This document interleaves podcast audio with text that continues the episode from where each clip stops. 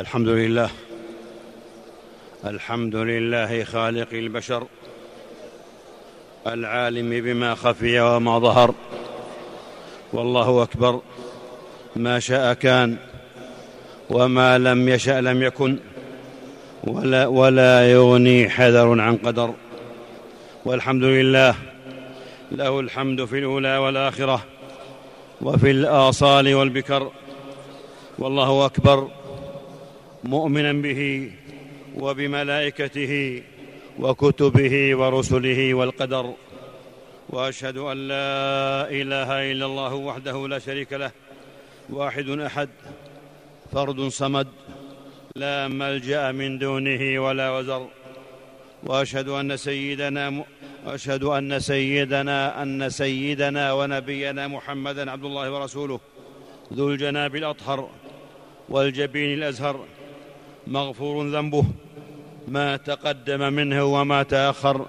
صلى الله وسلم وبارك عليه وعلى آله الكواكب الدرر وعلى أصحابه النجوم الغرر والتابعين ومن تبعهم بإحسان. ما صام صائم وأفطر وهلل مهلل وكبر. الله أكبر. الله أكبر. لا إله إلا الله. والله أكبر. الله أكبر ولله الحمد. الله أكبر كبيرا والحمد لله كثيرا. وسبحان الله بكرة وأصيلا. أما بعد فأوصيكم أيها الناس ونفسي بتقوى الله. فاتقوا الله رحمكم الله. اتقوا الله يا خلف من دبر ويا بقية من غبر. خذوا زادا كافيا. وأعدوا للسؤال جوابا شافيا. بادروا ثم بادروا. فلا زلتم في مكان الإمكان. اليوم عمل ولا حساب وغدا حساب ولا عمل.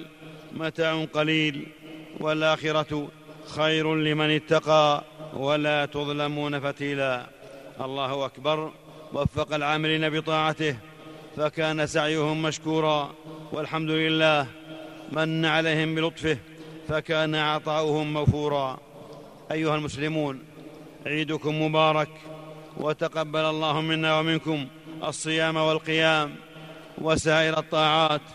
هذا يوم من أيام الله المباركة. إنه عيدنا أهل الإسلام فهنيئا لكم ما صمتم وهنيئا لكم ما أفطرتم وهنيئا لكم ما كبرتم وشكرتم. شعاركم التكبير ودثاركم الصلاح والتقوى ولتكملوا العدة ولتكبروا الله على ما هداكم ولعلكم تشكرون. العيد تكبير لله وحده وتحميد وتسبيح وتمجيد وشكر وحسن تعبد لتكبروا الله على ما هداكم وبشر المحسنين. العيد فسحة وفرحة وبهجة وجائزة من الله لعباده المؤمنين. أعيادنا أعياد عطف ومحبة وصلة وتجسيد للأخوة الإسلامية والبذل والعطاء والسخاء والإيثار. الله أكبر. طاعته أفضل مكتسب والحمد لله تقواه أقوى نسب. معاشر المسلمين وهذه وقفة مع إحدى معالم هذا العيد. تلكم هي الزيارات وآدابها وآثارها. إن من أظهر مظاهر أعياد أهل الإسلام التزاور وتبادل التهاني وإظهار الشكر في بهجة وفرح وسرور وانشراح صدور.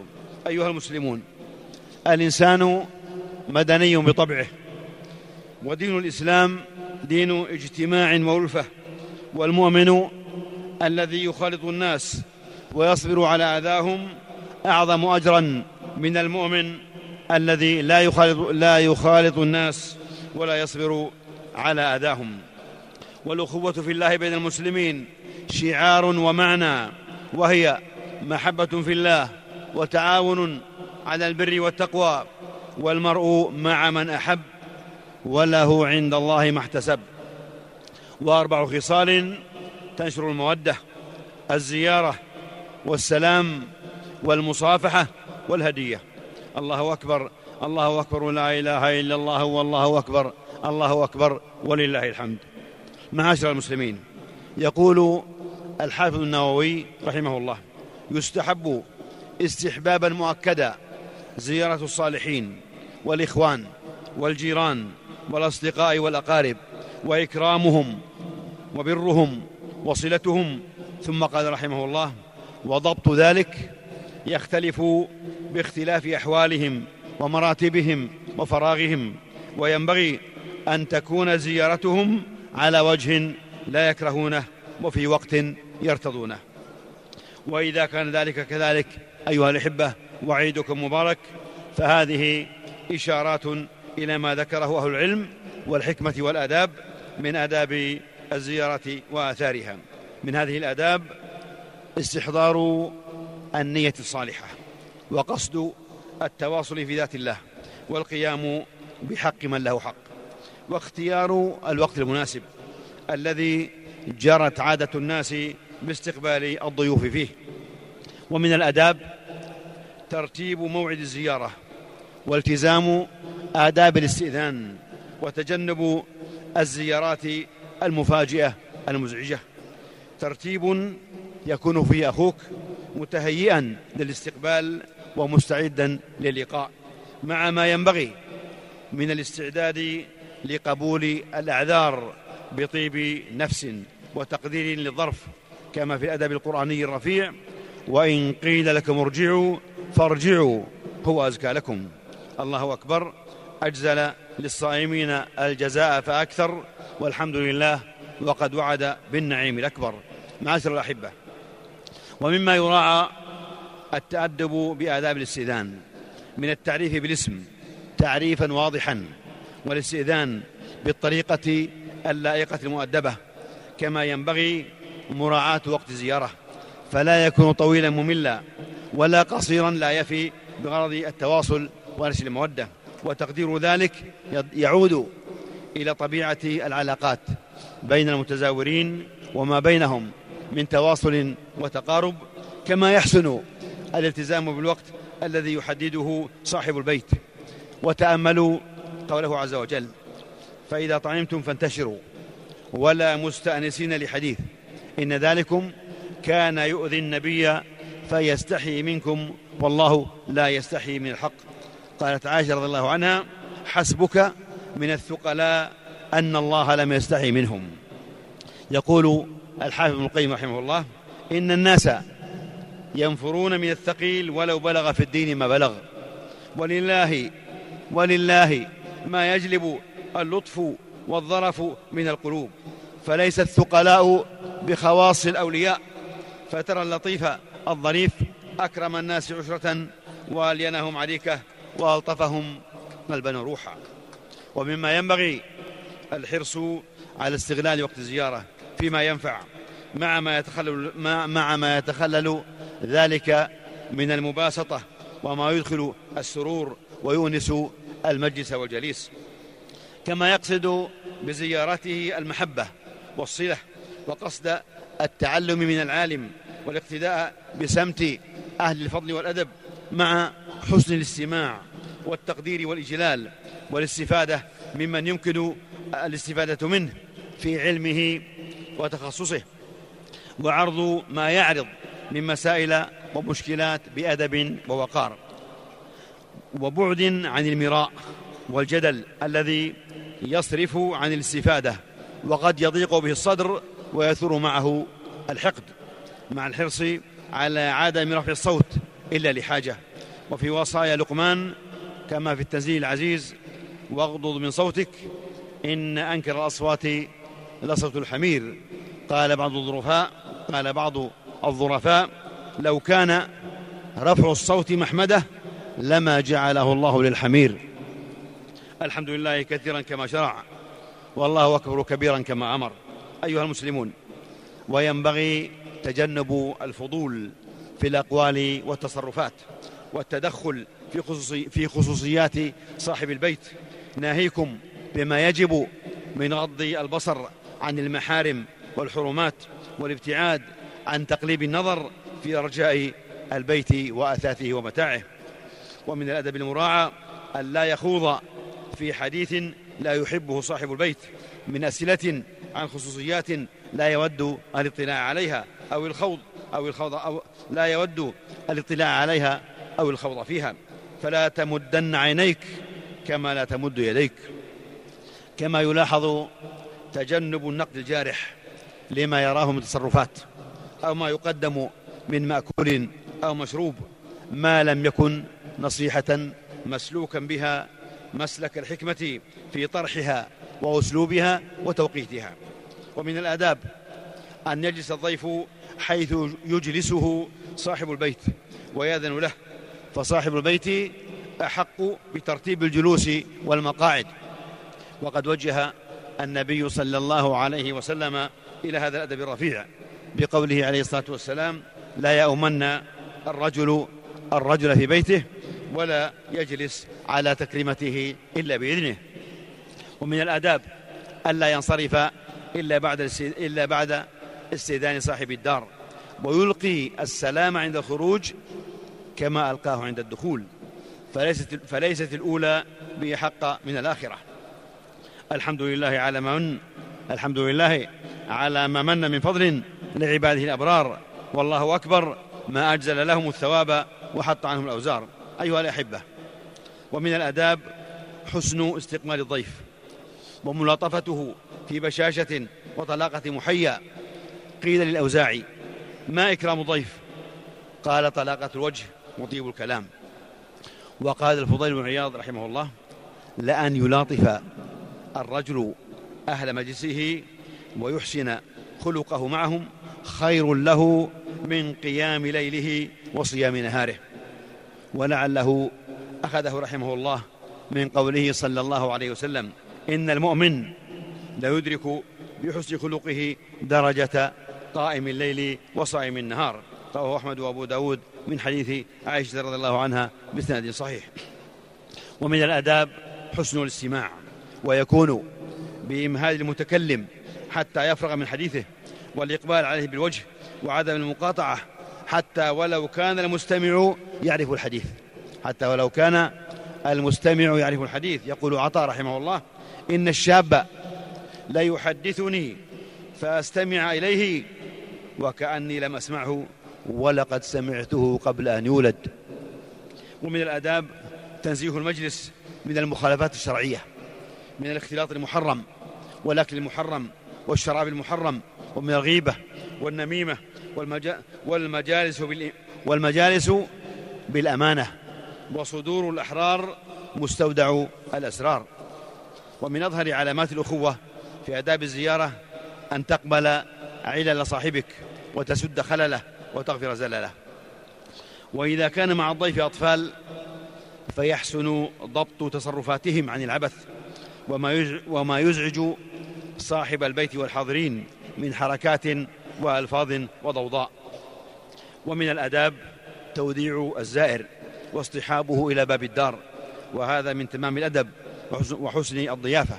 يقول الشعبي رحمه الله من تمام الزيارة أن تمشي معه إلى باب الدار وتأخذ بركابه. الله أكبر. الله أكبر. لا إله إلا الله والله أكبر. الله أكبر. ولله الحمد. أيها المسلمون زوروا إخوانكم وأقرباءكم واكسبوا مودتهم والدعاء منهم وتفقدوا أحوالهم واصنعوا من المعروف ما يجلب المودة ويديم المحبة.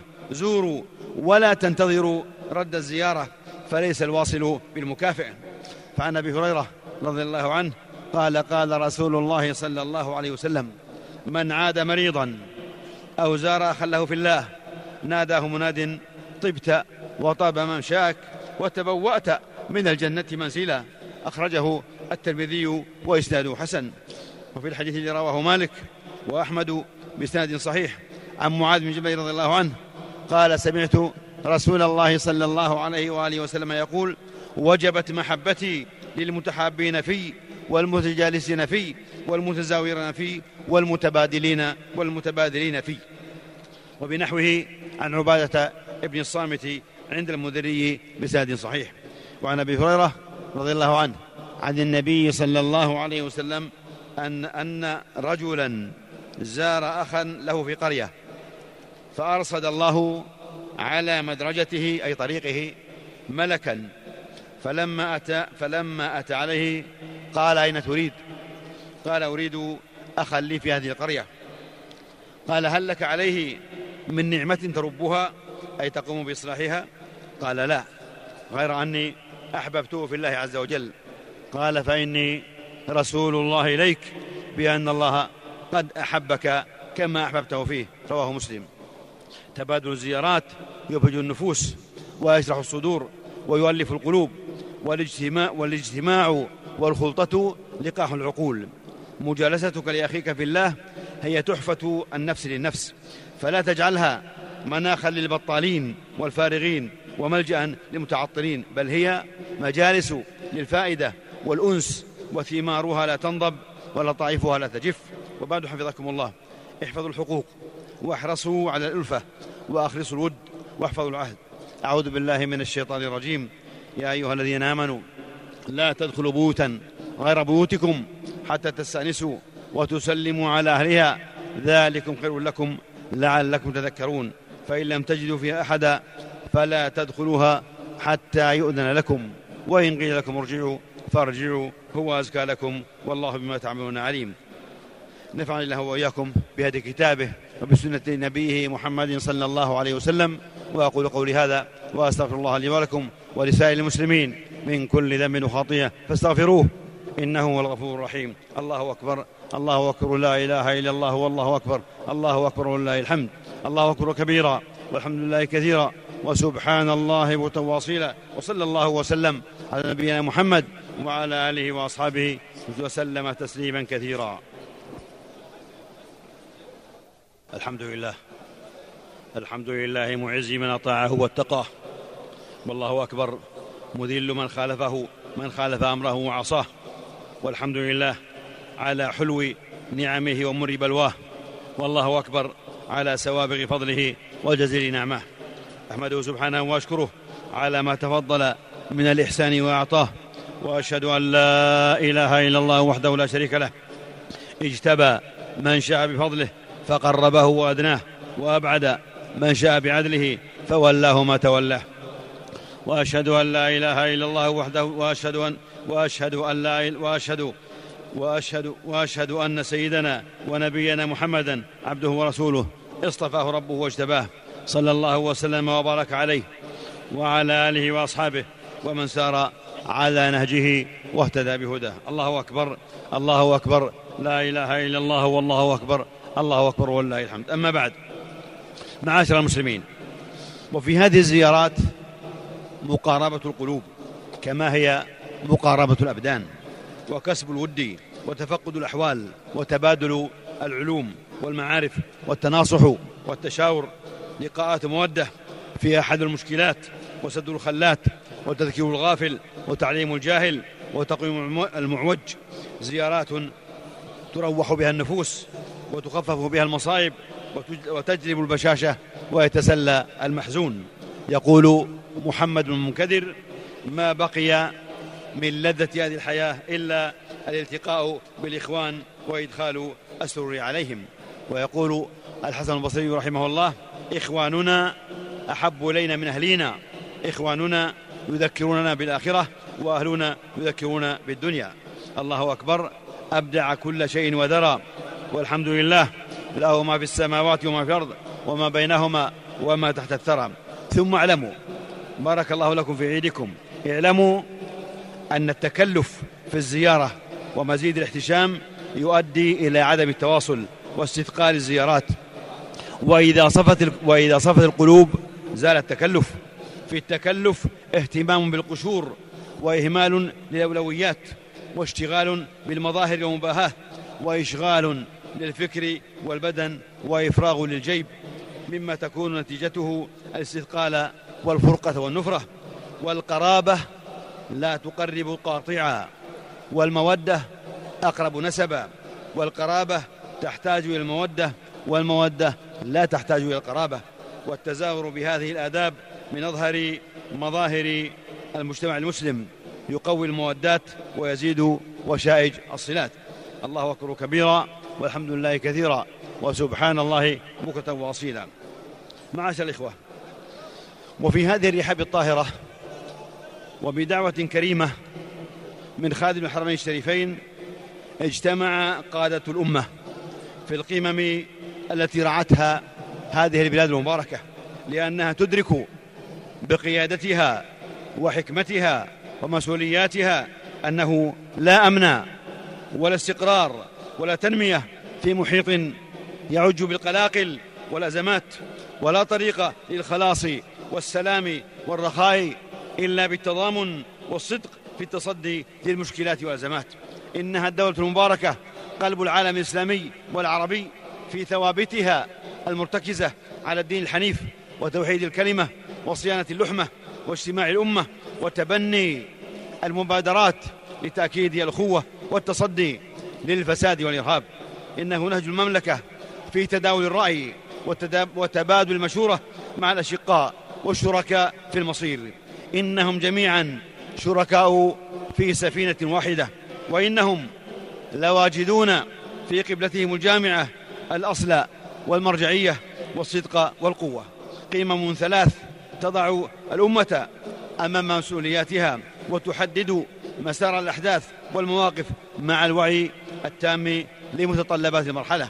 قمم تقرأ الواقع وتنطلق من المستجدات والحقائق والوثائق. ليتحمل الجميع ليتحمل الجميع مسؤولياتهم أمام ربهم ثم أمام شعوبهم وتاريخهم وأوطانهم. إنها الرسالة بأن أمن الأمة واستقرارها واقتصادها هي مهمة الدول العربية والإسلامية جميعا. إنها قمم الوقفة العربية الإسلامية الواحدة الموحدة أمام مشاريع الفتنة والفرقة والشقاق والإرهاب. إنه الدرع القوي والموقف الرادع لمنع العبث بأمن الأمة ومقدراتها. جمع ميمون في قمم استثنائية في نوعها وكيفيتها وزمانها ومكانها وموضوعها. قدموا إلى هذه الرحاب الطاهرة لأهداف نبيلة قادة ملاذهم بالله جل وعلا. ثم بهذا الحاضن المقدس الكعبة المشرفة والبيت العتيق والرحاب الطاهرة هذه الديار المباركة منبع النور ومنطلق الرسالة ومتنزل الوحي. هي الأمن والمنار ومن قوتها وصدقها وتاريخها يكون المنطلق والتأثير والبلاغ في أيام فاضلة وليال شريفة. بارك الله في الخطى وسدد المسيرة وجمع كلمة الأمة على الحق والهدى ورد كيد ورد كيد الأعداء في نحورهم. الله أكبر على ما أولى وهدى والحمد لله على ما وهاب وأعطى. أيها الإخوة ورجال أمرنا وقواتنا جنود صناديد وأبطال بواسل يعلمون مقامهم وشرف مكانهم وصلح عملهم فهم على الحق والهدى بإذن الله. بشجاعتهم وكفاءتهم بعد بعد عون الله تعالى. تبقى هذه البلاد عزيزة محفوظة شامخة حامية للمقدسات حافظة, حافظة للحرمات. فحفظهم الله وحفظ بهم وشكر مساعيهم. الله أكبر معيد الجمع والأعياد. والحمد لله جامع الناس اليوم لا ريب فيه إنه لا يخلف الميعاد. معاشر المسلمين ابتهجوا بعيدكم. فأنتم بإذن الله في أمن وأمان. واطمئنان. عيدكم مبارك وتقبل الله طاعتكم. ابتسموا وابتهجوا. انشروا السرور والبهجة في أنفسكم وأهليكم وإخوانكم. العيد والتهنئة لمن يزرع البسمة على شفاه المحتاجين ويدخل السرور على المرضى. أيها المسلمون العيد مناسبة كريمة لتصافي القلوب ومصالحة النفوس. مناسبة مناسبة مناسبة مناسبة لغسل أدران الحقد والحسد وإزالة كوامن العداوة والبغضاء. العيد عيد فرح وسرور لمن طابت سريرته وخلصت نيته وحسن للناس خلقه ولنا في الخطاب كلامه. العيد لمن اتقى مظالم العباد وخاف يوم التناد. العيد لمن لم يحسد الناس على ما آتاهم الله من فضله فافرحوا واشكروا وأدخلوا الفرح على كل من حولكم. فالفرح أعلى أنواع نعيم القلب ولذته وبهجته. السرور والفرح لذة لنيل المشتهى الله أكبر الله أكبر لا إله إلا الله والله أكبر الله أكبر ولله الحمد. ومن مظاهر الإحسان بعد رمضان استدامة العيد استدامة العبد على نهج الطاعة والاستقامة وإتباع الحسنة الحسنة. وقد ندبكم نبيكم محمد صلى الله عليه وسلم لأن تتبعوا رمضان بست من شوال. فمن فعل فكأنما صام الدهر كله. تقبل الله منا ومنكم الصيام والقيام وسائر الطاعات والأعمال الصالحات. هذا وصلوا وسلموا على رحمة المهداة ونعمة المسداة نبيكم محمد رسول الله. فقد أمركم بذلك ربكم. فقال عز قائلا عليما إن الله وملائكته يصلون على النبي. يا أيها الذين آمنوا صلوا عليه وسلموا تسليما. اللهم صل وسلم وبارك على عبدك ورسولك نبينا محمد وعلى آله وأزواجه وذريته. وارض اللهم عن الخلفاء الأربعة الراشدين أبي بكر وعمر وعثمان وعلي وعن سائر, وعن سائر الصحابة أجمعين والتابعين ومن تبعهم بإحسان إلى يوم الدين. وعنا معهم بعفوك وجودك وإحسانك يا أكرم الأكرمين. اللهم أعز الإسلام والمسلمين. اللهم أعز الإسلام والمسلمين. اللهم أعز الإسلام والمسلمين. وأذل الشرك والمشركين. وأحمي حوزة الدين. وانصر عبادك المؤمنين. واخذل الطغاة والملحدة وسائر أعداء الدين أعداء الملة والدين. اللهم انصر دينك وكتابك وسنة نبيك محمد صلى الله عليه وسلم وعبادك الصالحين. اللهم آمنا في أوطاننا. اللهم آمنا في أوطاننا وأصلح أئمتنا وولاة أمورنا واجعل ولايتنا في من خافك واتقاك واتبع رضاك يا رب العالمين. اللهم أيد بالحق والتوفيق والتسديد إمامنا وولي أمرنا خادم الحرمين الشريفين ووفقه لما تحب وترضى وخذ بنصيحته البر والتقوى وارزقه البطانة الصالحة وأعز به دينك وأعل به كلمتك واجعله نصرة للإسلام والمسلمين واجمع به كلمة المسلمين على الحق والهدى يا رب العالمين. اللهم وفقه وولي عهده وأعوانه وإخوانه للحق والهدى وكل ما فيه صلاح العباد والبلاد. اللهم وفق ولاة أمور المسلمين للعمل بكتابك وبسنة نبيك محمد صلى الله عليه وسلم واجعلهم رحمة لعبادك المؤمنين واجمع كلمتهم على الحق والهدى والسنة يا رب العالمين. اللهم عليك اللهم عليك بالصهاينة اليهود المحتلين فإنهم لا يعجزونك. اللهم انزل من بأسك الذي لا يرد عن قول المجرمين. اللهم إنا ندرأ بك في نحورهم ونعوذ بك من شرورهم. اللهم اصلح أحوال المسلمين. اللهم يا ذا الجود ومن. اللهم يا ذا الجود ومن. احفظ علينا هذا الأمن وسدد قيادته وقوي وقوي رجاله وخذ بأيديهم وشد من أزرهم وقوي عزائمهم وزدهم إحسانا وتوفيقا وتأييدا وتسديدا. اللهم اشف مرضاهم وارحم شهداهم واحفظ أسرهم وذرياتهم يا رب العالمين. ربنا آتنا في الدنيا حسنة وفي, وفي الآخرة حسنة وقنا عذاب النار.